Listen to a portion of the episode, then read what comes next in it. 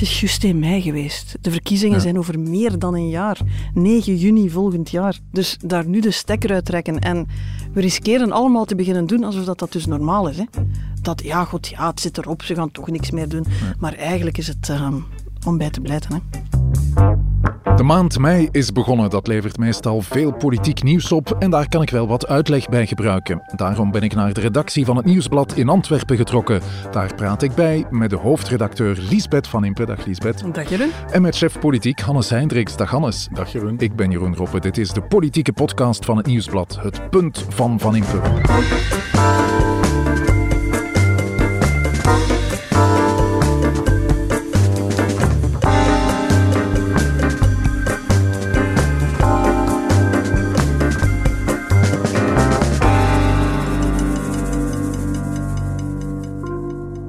Ik had de indruk dat veel nieuws de afgelopen week uit de provincie Limburg kwam. Uh, er kwam veel lawaai uit de provincie Limburg, dat zeker. De mega-rave in Sint-Truiden, Brustum, ook de nieuwe wereldkampioen uh, snoeker. Die komt uit Limburg, maar allee, het is zo indrukwekkend, de prestatie, dat we er allemaal mogen trots op zijn. Inderdaad. Maar uh, om die reden heb ik toch maar iets Limburgs meegebracht, namelijk iets van het domein Hoenshof. Dat ligt in Borgloon, dat is niet zo ver van waar die mega-rave plaatsvond. Ik hoop dat wijndomeinen daar Ik in de buurt, want er zijn er nog wel wat Ik hoop daar dat de druiven hebben kunnen slapen door de Ja, nacht. dat die het eh, allemaal hebben overleefd. Anders zijn we gezien, hè, dan, eh, anders is ons eh, concept naar de vaantjes. Want we rekenen op de wijnen in Haspengouw, ook dus op deze Hoenshof Ver uit eh, 21. 1 mei, Lisbeth, Hannes, dat betekent elk jaar straffe uitspraken, straffe eisen, hoe linkser, hoe liever. Hoe was de oogst dit jaar? Wel ja, hoe linkser, hoe liever. We hebben inderdaad voorstellen gezien van Vooruit en van PS, eh, de socialistische partijen. Maar nu zagen we ook dat ook de liberalen met voorstellen kwamen, ook groen. Eh, dus ja, iedereen probeert een beetje 1 Dat is al mei te een tijdje bezig. Ik denk dat Vlaams Belang is daar ooit ook mee begonnen Ja, om 1 klopt. mei te claimen. De MR doet dat eigenlijk al heel lang. Dat is al in de tijden van Louis Michel dat er in Jodogne een, een liberale 1 mei optocht is. Maar de Vlaamse liberalen, dat waren we niet gewoon. Die zijn daar dus nu ook op die kar gesprongen. We zullen straks uitleggen waarom dat het relatief weinig met 1 mei te maken eh, op zich. De Groenen beginnen ook te denken van, hey, als het een linkse feestdag is, dan mogen wij ook meedoen. Dus ja, er is veel gedruis, veel voorstellen. En ehm, de oogst was dus ehm, rijk, hè? En we gaan er eh, drie punten over maken. Hè. Drie punten in het 85ste punt van Van Impe. En daar drinken we een goede hoenshof bij school. Die basisbaan is eigenlijk zeggen, eh, we gaan u veel meer helpen. We gaan Ja, u dat- veel meer kansen geven, we gaan u veel meer opleiding geven, maar als het dan toch niet lukt om een job te vinden, na twee jaar zoeken, dan gaan wij u een job aanbieden. Dat is een heel warm en heel positief verhaal om te zeggen, iedereen mee in bad, iedereen aan het werk. Een warme oproep dus aan de vooravond van 1 mei van vooruit eh, voorzitter Conor Rousseau. Ben je twee jaar werkloos, dan moet je een basisbaan accepteren. Dat is het eh, voorstel. Doe je dat niet, dan krijg je geen uitkering meer. De werkloosheidsuitkering wordt dus in het voorstel beperkt in de tijd. Dat is wat de liberalen ook Ja. gehoord hadden. Hè? Dus eindelijk een, een linkse bondgenoot om te beperken in de tijd.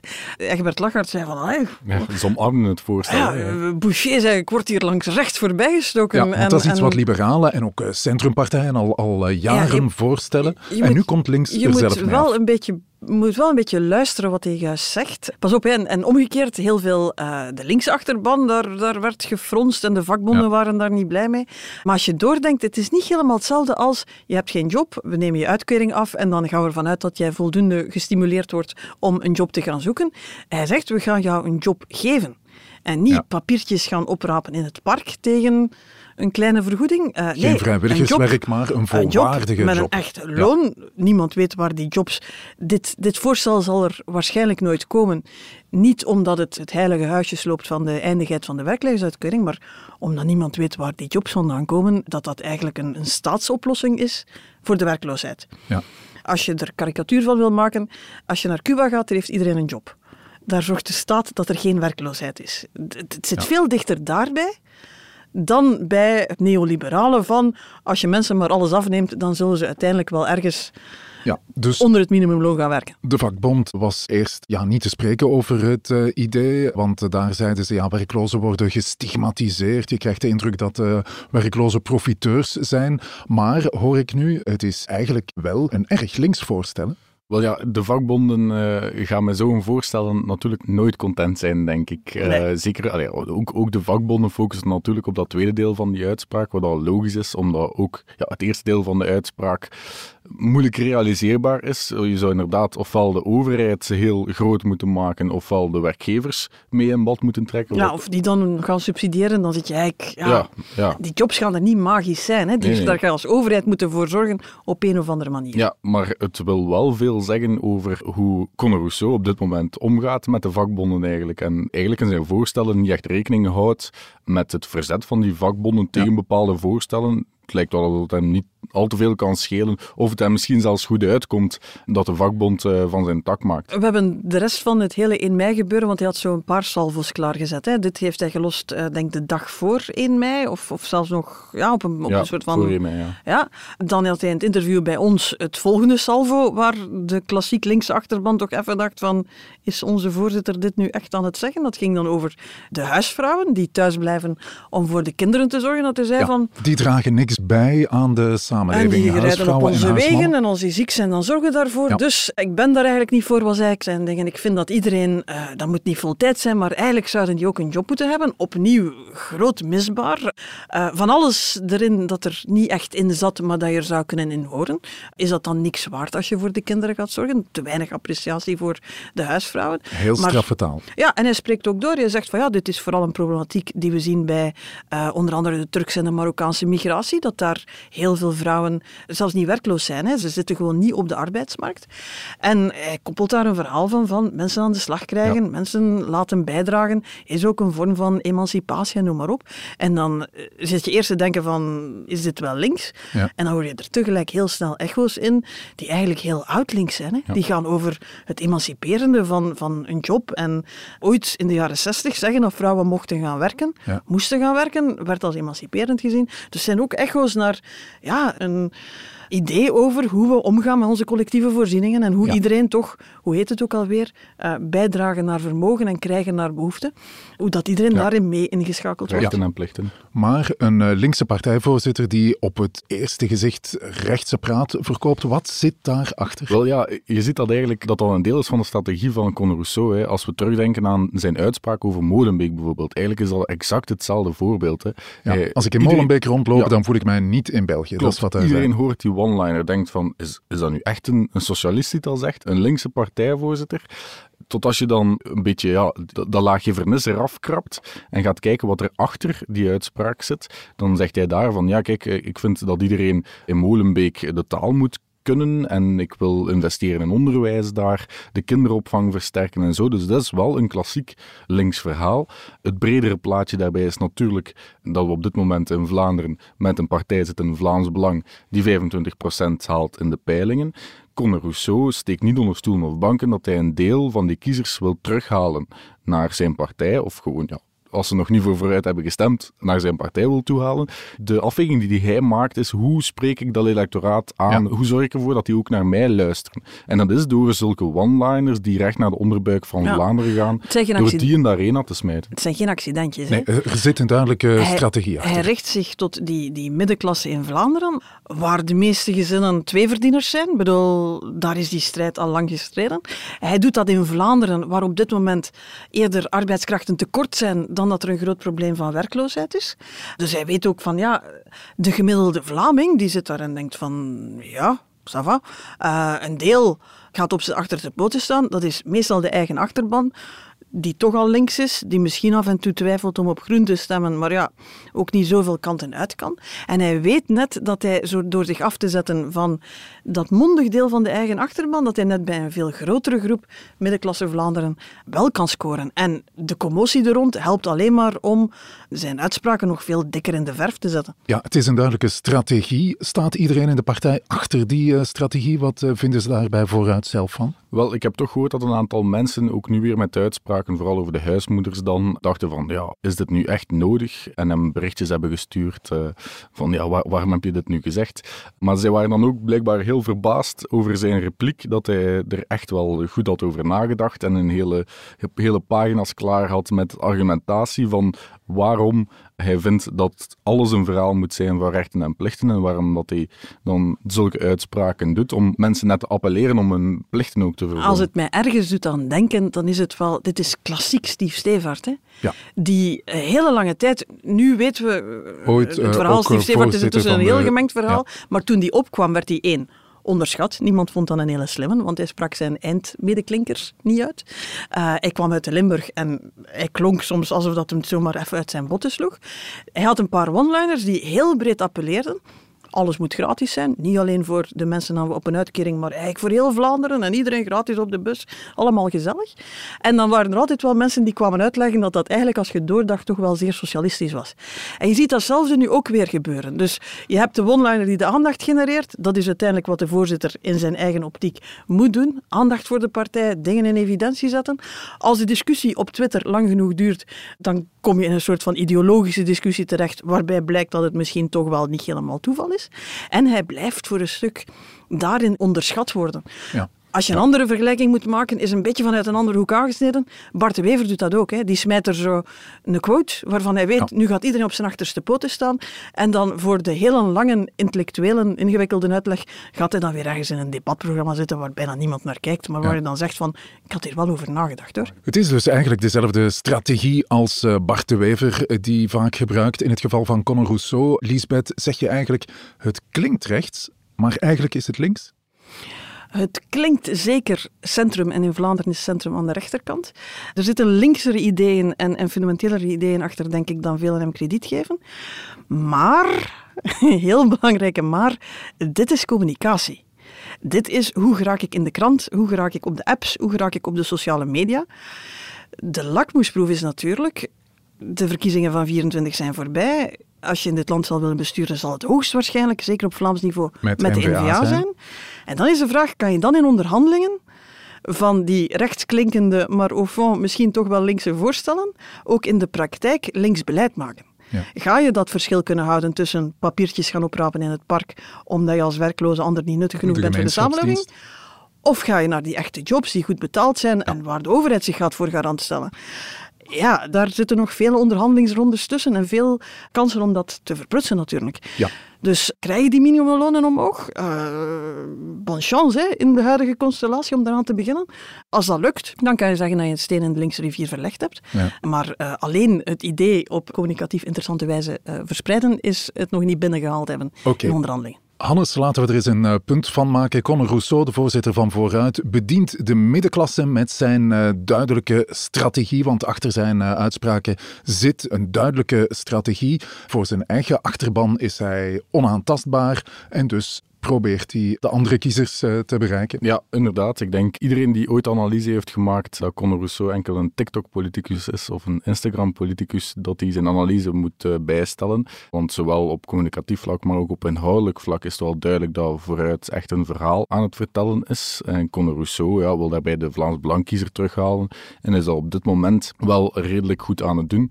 Maar het is inderdaad, zoals Lisbeth zegt, eh, the proof of the pudding is, Is in the eating. in the eating. En de ironie blijft dat hij de verontwaardiging van de eigen achterban eigenlijk als een soort van grote fluo-stift gebruikt om zijn eigen standpunten nog eens in evidentie te zetten. Dus het is een tactiek die veel vraagt van de eigen achterban, die iedere keer opnieuw even met de gekrulde tenen zit. Het punt van Van Impe.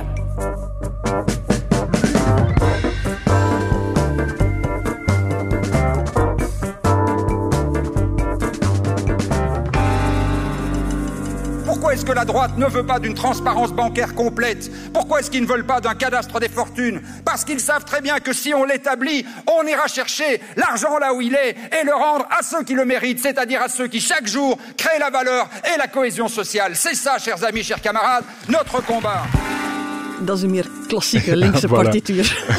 Laten we eens het eh, contrast maken. Dit klinkt al wat vertrouwder op 1 mei. De voorzitter van de PS hoorde je, Paul Magnet. Hij was op 1 mei niet te spreken over een idee van eh, premier Alexander De Croo. Die vindt dat wie werkt altijd meer moet overhouden dan wie niet werkt. De Croo wil daarom eh, schrappen in sociale voordelen van mensen die geen job hebben. Een opvallend idee. Wat vind je daarvan? Goh ja, het is op zich een, een klassiek liberaal idee natuurlijk. Hè. Zorgen dat werken meer loont. Het uh, zet natuurlijk wel ook een beetje de verschillen tussen vooruit en PS op dit moment in de verf. Paul Magnet is dan genoodzaakt om inderdaad in de verdediging te gaan. Hij liet eigenlijk zijn in mei speech een beetje kapen. Een beetje kapen door ongeveer iedereen, hè? want hij had al, kon Rousseau ook moeten reageren en, en dan kwam, kwam de premier en, en ja, hij werd geagiteerder en geagiteerder, maar het ging over de ideeën van anderen. Ja, ik hoor het. Inderdaad. Maar dus ja, de Croo, een klassiek liberaal idee, heeft hij proberen vertellen. Maar nu goed, het was wel opvallend dat hij dat als premier eigenlijk in de macht kwam zetten. Normaal gezien zou je dan verwachten dat Egbert Lachaert dat bijvoorbeeld zou komen doen, de voorzitter. Ja, daar was uh, Magnet heel kwaad over. Hij zegt een premier moet boven het gewoel staan. Viel uh, de premier uit zijn rol? Uh, ik denk dat hij redelijk bewust wat uit zijn rol viel. Het was, pas op als je het helemaal bekijkt, want je zou kunnen zeggen dat de, de fameuze werkloosheidsval, namelijk dat bij het statuut een aantal voordelen horen die allemaal vervallen eens dat je een job neemt en je dus ja, eigenlijk netto slechter af bent, is eigenlijk de laatste onder, onder premier De Croo eigenlijk scherper gesteld. Het is onder premier De Croo dat we de energiepremies zijn gaan uitdelen voor de laagste inkomens. Dingen die erbij gekomen zijn, hè, die, die vroeger niet bestonden en die het ja, opnieuw moeilijker maken om uit dat statuut te, te evolueren. Dus hij viel zelfs een beetje zijn eigen beleid aan. Dat is gek voor een premier. Aan de andere kant, het is een zeer liberale boodschap. En laten we eerlijk zijn, die VLD is nu al... Uh, hoe lang is, is de Croo premier? Uh, een jaar of... Ja, 1 oktober 2020. Dus, 2020, dus uh, twee jaar en een half. De VLD is een stuiterende bal op dat vlak. Hè. Dat is in een flipperkast. Hè. Het ene moment is de Croo verheven boven alle partijen en zich nauwelijks bewust van het feit dat in zijn regering mensen wel elkaar wel eens naar het leven staan. Ja. En het volgende moment wordt hij, is het weer een partijstrategie van ja, ja, maar we moeten ons toch ook profileren en ook de premier moet toch zorgen, want het is ongeveer ons belangrijkste... Ja onze belangrijkste troef. Wel, de bal is weer gestuiterd en we zitten dus weer bij een premier die um, af en toe toont dat hij een open veeldeer is. Ja, zeg je, wat we nu uh, allemaal horen, zegt dat niet gewoon dat we volop in campagne-modus uh, zitten, Hannes? Wel ja, dat is de overweging die ze bij Open VLD ook een beetje aan het maken zijn. En pas op, daar is heel veel discussie over geweest binnen de partijtop. Uh, verschillende mensen die daar verschillende meningen zijn, zijn toegedaan. Maar nu hebben ze toch wel een beetje de strategie gekozen dat inderdaad Alexander de Croo op geregelde tijdstippen eigenlijk uit zijn rol als regeringsleider moet stappen. Ja. En als het uh, liberale boegbeeld, de liberale campagneleider, boodschappen de wereld in moet sturen, dat heeft hij nu gedaan op 1 mei. Dus waarbij hij eigenlijk ja, geen rekening houdt met de gevolgen voor, zijn, voor het functioneren van zijn eigen regering. Want ja, iedereen komt dan met analyse, ja, wat betekent het voor de fiscale hervorming ja. bijvoorbeeld? Wel, niet, lukt veel, dat, niet veel goede dingen. Ja, lukt dat dan nog wel? Dus we gaan nu op geregelde tijdstippen dat wel zien terugkomen. Bijvoorbeeld het congres van Open VLD binnen twee weken zal ook zo'n moment zijn. Alexander de Croo zal daar de slotspeech houden. De verwachting is wel dat we hem daar opnieuw een boodschap de wereld in zien sturen die we misschien niet zouden verwachten van een premier, ja, maar wel van een campagneleider. Nu, dit is wel een stuk gedeelde verantwoordelijkheid tussen Magnet en de Croo. Magnet heeft eigenlijk op een aantal vlakken, als het gaat over pensioenen, als het gaat over hervorming van de arbeidsmarkt, noem maar op, de hele tijd gezegd van hey, ik heb mijn verhoging van de minimumpensioenen al binnen en eigenlijk wil ik over niet veel andere dingen nog spreken. Ja. Intussen denk ik dat ja, de Croo heeft dan zijn heel afwachtende houding in veel dossiers aangenomen. Het heeft lang geduurd allee, ja, voordat hij de forsing ging beginnen voeren en dat zie ik hier ook weer flipperbal, haperend. Je krijgt een beetje de indruk dat iedereen zich er stilaan bij aan het neerleggen is eh, dat het niet meer voor deze legislatuur zal zijn. En dan zit je met een soort van officieus startschot voor verkiezingen waarvan je weet dat Open VLD Alexander de Croo daar als eigen boegbeeld en niet het boegbeeld van Vivaldi gaat laten zijn. Hè. Dat zal dan weer een liberaal moeten worden. Hè. Ik voel een tweede punt. De discussies de komende maanden die gaan niet meer uh, lopen volgens de tegenstelling meerderheid versus oppositie, maar volgens de tegenstelling links versus rechts. Wel ja, wat natuurlijk, eh, zeker in Franstalig België, de geruchten steken weer de kop op over een uh, vervroegde val van de regering bijvoorbeeld. Van ja, de vraag rijst, kan de regering nog wel zo functioneren de komende maanden? Ik denk dat we die vraag heel vaak zullen zien terugkomen, omdat er niet heel veel meer zal gebeuren wellicht. En ja, binnen Open VLD maken ze dan de overweging, ja, dan kunnen we maar beter zorgen dat ons boegbeeld toch tenminste zichtbaar is en met een liberaal verhaal komt. Ja, je krijgt ook weer de speculaties van Europa Europa begint stil aan de druk op te voeren op onze begroting. Dus je gaat toch nog naar een soort van ja, begrotingsopmaak in het najaar die toch nog ergens zal moeten optrekken. Niemand gaat er echt nog veel zin hebben om daar pijnlijke maatregelen te nemen. De samenhang is er niet meer om tot een soort van grote politieke deal te komen. Laat de regering vroeger vallen en je trekt die verkiezingen weer uit elkaar. Wie weet is dat ook iets waar bepaalde hoofdkwartieren vrolijk van worden. Dus we gaan naar speculatie, maar mogen er wel nog eens bij zeggen dat het het is juist in mei geweest. De verkiezingen zijn over meer dan een jaar. 9 juni volgend jaar. Dus daar nu de stekker uit trekken. En we riskeren allemaal te beginnen doen alsof dat, dat dus normaal is. Hè? Dat, ja, god, ja, het zit erop, ze gaan toch niks meer doen. Maar eigenlijk is het uh, om bij te blijten. Hè? Het tweede punt van eh, beleid zal niet meer veel in huis komen de komende maanden, want we zitten volop in de campagne. Als ze zo voortdoen, dan uh, gaan wij een bijzonder lange, slepende uitputtende, over weinig dingen gaande campagne hebben. Het punt van Van Impe.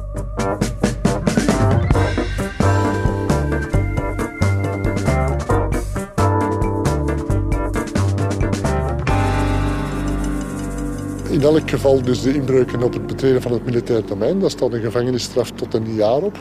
Eh, mogelijk een aantal sociaal-rechtelijke inbreuken als eh, het organiseren van een festival. Denk aan zwartwerk dan eigenlijk, in, in, die context. Inbreuken op het milieudecreet eh, kunnen we nemen. Daar dan zwaardere straffen op, straffen tot vijf jaar. mogelijk, maar dan moeten we natuurlijk mensen kunnen identificeren. De inbreuken op de drugwetgeving. Dat is al een uh, mooi lijstje dat procureur Vermeijeren klaar heeft voor wie een illegale party organiseert. Er was er zo één het afgelopen weekend in Sint-Truiden in Brustum, meer bepaald op het vroegere militair domein daar. Een grote illegale rave of free party. Free parties zijn illegale DIY-parties. Vaak gaat het om uh, hardcore house dat je er hoort. Je hoort het, uh, Lisbeth, ik ben een kenner. Ja, absoluut. ik, ik, zit aandachtig te luisteren, want het fenomeen is mij eigenlijk... Ik krijg er zo 90s nostalgie veel bij, maar het is iets dat waren ik... de hoogdagen van de raves. Ja, en ik ben er zelfs toen nooit geraakt, dus ik ben intussen 20 jaar ouder en uh, ik ben ook nu niet in Sint-Truiden geraakt, ja, moet ik eerlijk zijn. dit was wel een fenomenale rave, want ze wisten toch zo'n 10.000, wordt gezegd, 10.000 deelnemers uh, op de been te brengen, met alle gevaren van dien, hè, dat dat inhoudt. Het kan gevaarlijk zijn voor de gezondheid natuurlijk, van vrijdag tot maandag. Uh, ik denk dat de dokter daar geen, ja, geen negatief advies op geeft, ja. Ehm, maar er zijn nog wel meer risico's dat dat inhoudt. En daarom waren er heel wat mensen die zeiden van uh, stop dat onmiddellijk. Er waren er al die dat zaterdag riepen, denk ik. Zouhal Demir, ja, uh, de minister denk, van Omgeving. Ik denk dat zij het die zei zelfs, naar reacties. Ja, die zei zelfs arresteer de DJ's. Ontruim ja. het terrein. Ja, ik denk dat ze Zouhal Demir moesten tegenhouden of ze had zelf op een paard gekropen en uh, met de matrak naar Sint-Truiden gereden. Uh, nu ja. natuurlijk, ja, Sint-Truiden is ook in Limburg, dus haar maar, achtertuin. Ja, ze wilden dat het leger zou worden ingeschakeld om dit stop te zetten. Hadden ze dat moeten doen, Lisbeth? Pas op, hè. wat heel begrijpelijk was is dat mensen die daar in de buurt wonen en plots daar een massa mensen zien opdagen. Uh, ik begrijp als uit buurtbewoners verslagen met veel tattoos en ijzerwerk. Luide muziek, niemand weet wat er juist gebeurt. Ik snap dat de mensen daar in de buurt dachten van... Wat gebeurt hier? Is dit veilig? Mogen we hier straks verwachten dat er ja, mensen inbreken? Ja. Allee, ik bedoel, de angst onbestemd, moeilijk te plaatsen. Het feit dat die buurtbewoners, bedoel, ik denk dat ongeveer alle kranten en televisiezenders uh, in de buurt geweest zijn, en we hebben die buurtbewoners zien evolueren. Ja, ze draaiden bij eigenlijk. Hè? Ja, dus ze vonden altijd dat wel heel veel lawaai maakte, maar ze zagen dat dat eigenlijk wel onder controle bleef. Dat dat, uh, ik heb een koppel zestigers gezien die ja. eens waren gaan kijken en het eigenlijk wel gezellig vonden. Dus, en dat ook alles netjes werd opgeruimd? Dat, ja, groot contrast met de grote festivals, waar een, halve, een half stort achterblijft, waar hier alles netjes in, uh, in plastieke zakken is gestoken. Dus je voelt de inschatting van het grote gevaar daar uh, is geëvolueerd gedurende het weekend. Da daar, en, en als je naar de eindbalans kijkt, dan moet je zeggen van... Ze hebben dat daar nog redelijk onder controle. Hebben ze daar een groot risico genomen? Ja, iedereen weet dat daar ook waarschijnlijk alle drugs die God ooit verzonnen heeft te krijgen waren. Je riskeert daar dus, ja, zeker als mensen daar dagen aan een stuk gaan feesten, allerlei medische problemen. Ik begrijp ook dat deel van de uh, organisatie er rond was ervoor zorgen dat er een stuk medische faciliteiten stand-by ja. stonden om ervoor te zorgen dat er geen drama's gebeuren. En dan kreeg je eigenlijk vanaf de zaterdagmorgen een beetje het hyperventileren van we moeten naar het leger en de waterkanonnen op, op afsturen.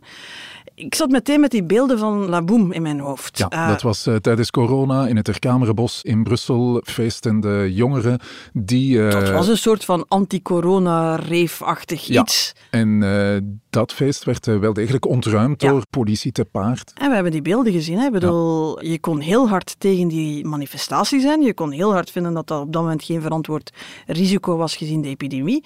Maar die beelden van die paarden die daar op feestende jongeren aan het inrijden zijn en noem maar op. Ja, dat was iets waar weinig mensen van zeiden van uh, laat ons dat nu maar elke week gaan doen. Dit is echt de nette, de nette oplossing. Hier ging het over nog een veelvoud van het aantal mensen op nog een groter terrein. Dingen als zet de stroom uit, ja, die hadden ze zelf mee. Dus vraag me niet hoe ze dat dan mee hebben, maar goed, ze waren blijkbaar redelijk goed georganiseerd. Ja, dan zie je dat daar op dat moment geen makkelijke oplossing is en dat zelfs het idee van iedereen daar te laten gaan lopen en in auto's te laten springen en noem maar op, in een half bezopen of gedrogeerde toestand, misschien niet de beste maatregel was voor de algehele veiligheid van Sint-Truiden en omstreken. Oké, dus uh, repressie, als dat het punt is, was niet de oplossing. Integendeel, hier was een bedachtzame aanpak de juiste. Ja, ik denk het wel. Hè. Ik denk, uh, het zette wel een beetje de machteloosheid van de overheid in de verf. Want ik snap ook wel een beetje de reacties van mensen die dan denken, ja, ik rij hier twee per uur te snel op de autostrade, ik krijg hier uh, ja. een, direct een boete van... Ik zet mijn uh, vuilniszak een beetje te vroeg, we hebben ze allemaal zien passeren. Ja, ja, te vroeg buiten en krijg, krijg een boete. de is... staatsveiligheid staat aan mijn deur of het scheelt niet veel. Dus iets, uh, iets wat overtrokken, maar wat.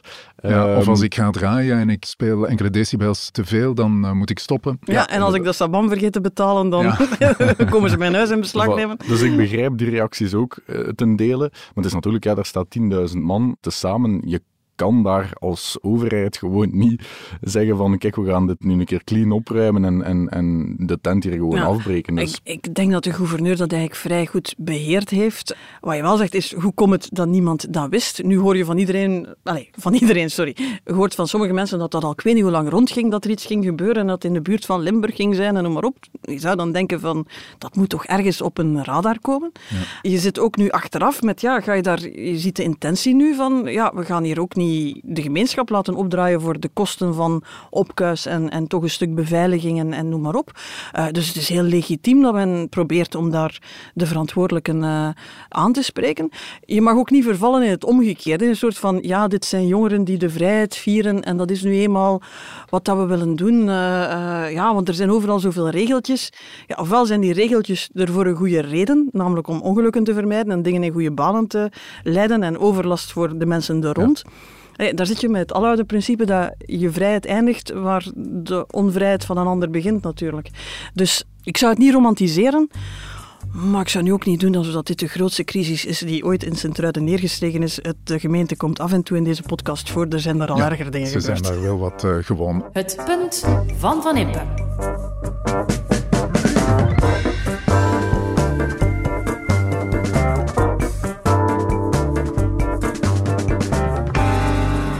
Oké, okay, dankjewel voor de punten. Ik stel voor dat we nog even in het zuiden van Limburg blijven met deze Hoenshof. Dat is daar ook in de buurt. En het is trouwens de periode hè, om in het zuiden van Limburg te zijn met de bloesems die in bloei staan. Het is geen verborgen oproep voor een volgende reef ergens in de buurt van Sint-Truiden, voordat mensen denken dat we hier een code aan het spreken zijn. Nee, want ze halen daar wel alles uit de kast tegenwoordig om volk te lokken. Hè. Ook het domein Hoenshof trouwens, daar kan je overnachten, Lisbeth, in Nogmaals, een wijnvat. het klinkt echt of je reclame aan het maken bent voor een, voor een illegale reef in een wijnvat. Ja, overnachten in een uh, wijnvat en dat is wel uh, volstrekt legaal.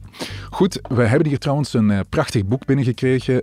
Wijn in de lage landen. Dat was heel attent en een, een We hele vinden het altijd leuk als mensen deze de podcast niet alleen met politiek, maar ook met wijn Ja, associëren. Meta van den Bomen heeft een prachtig boek geschreven over wijndomeinen in de lage landen. Dus niet alleen in België, maar ook in Nederland. Dat brengt ons misschien op ideeën hè, om ook daar eens een ronde als we te gaan doen. zijstapjes willen doen. Maar ik hoor dat de Belgische wel beter is. Daar twijfel ik uh, niet aan.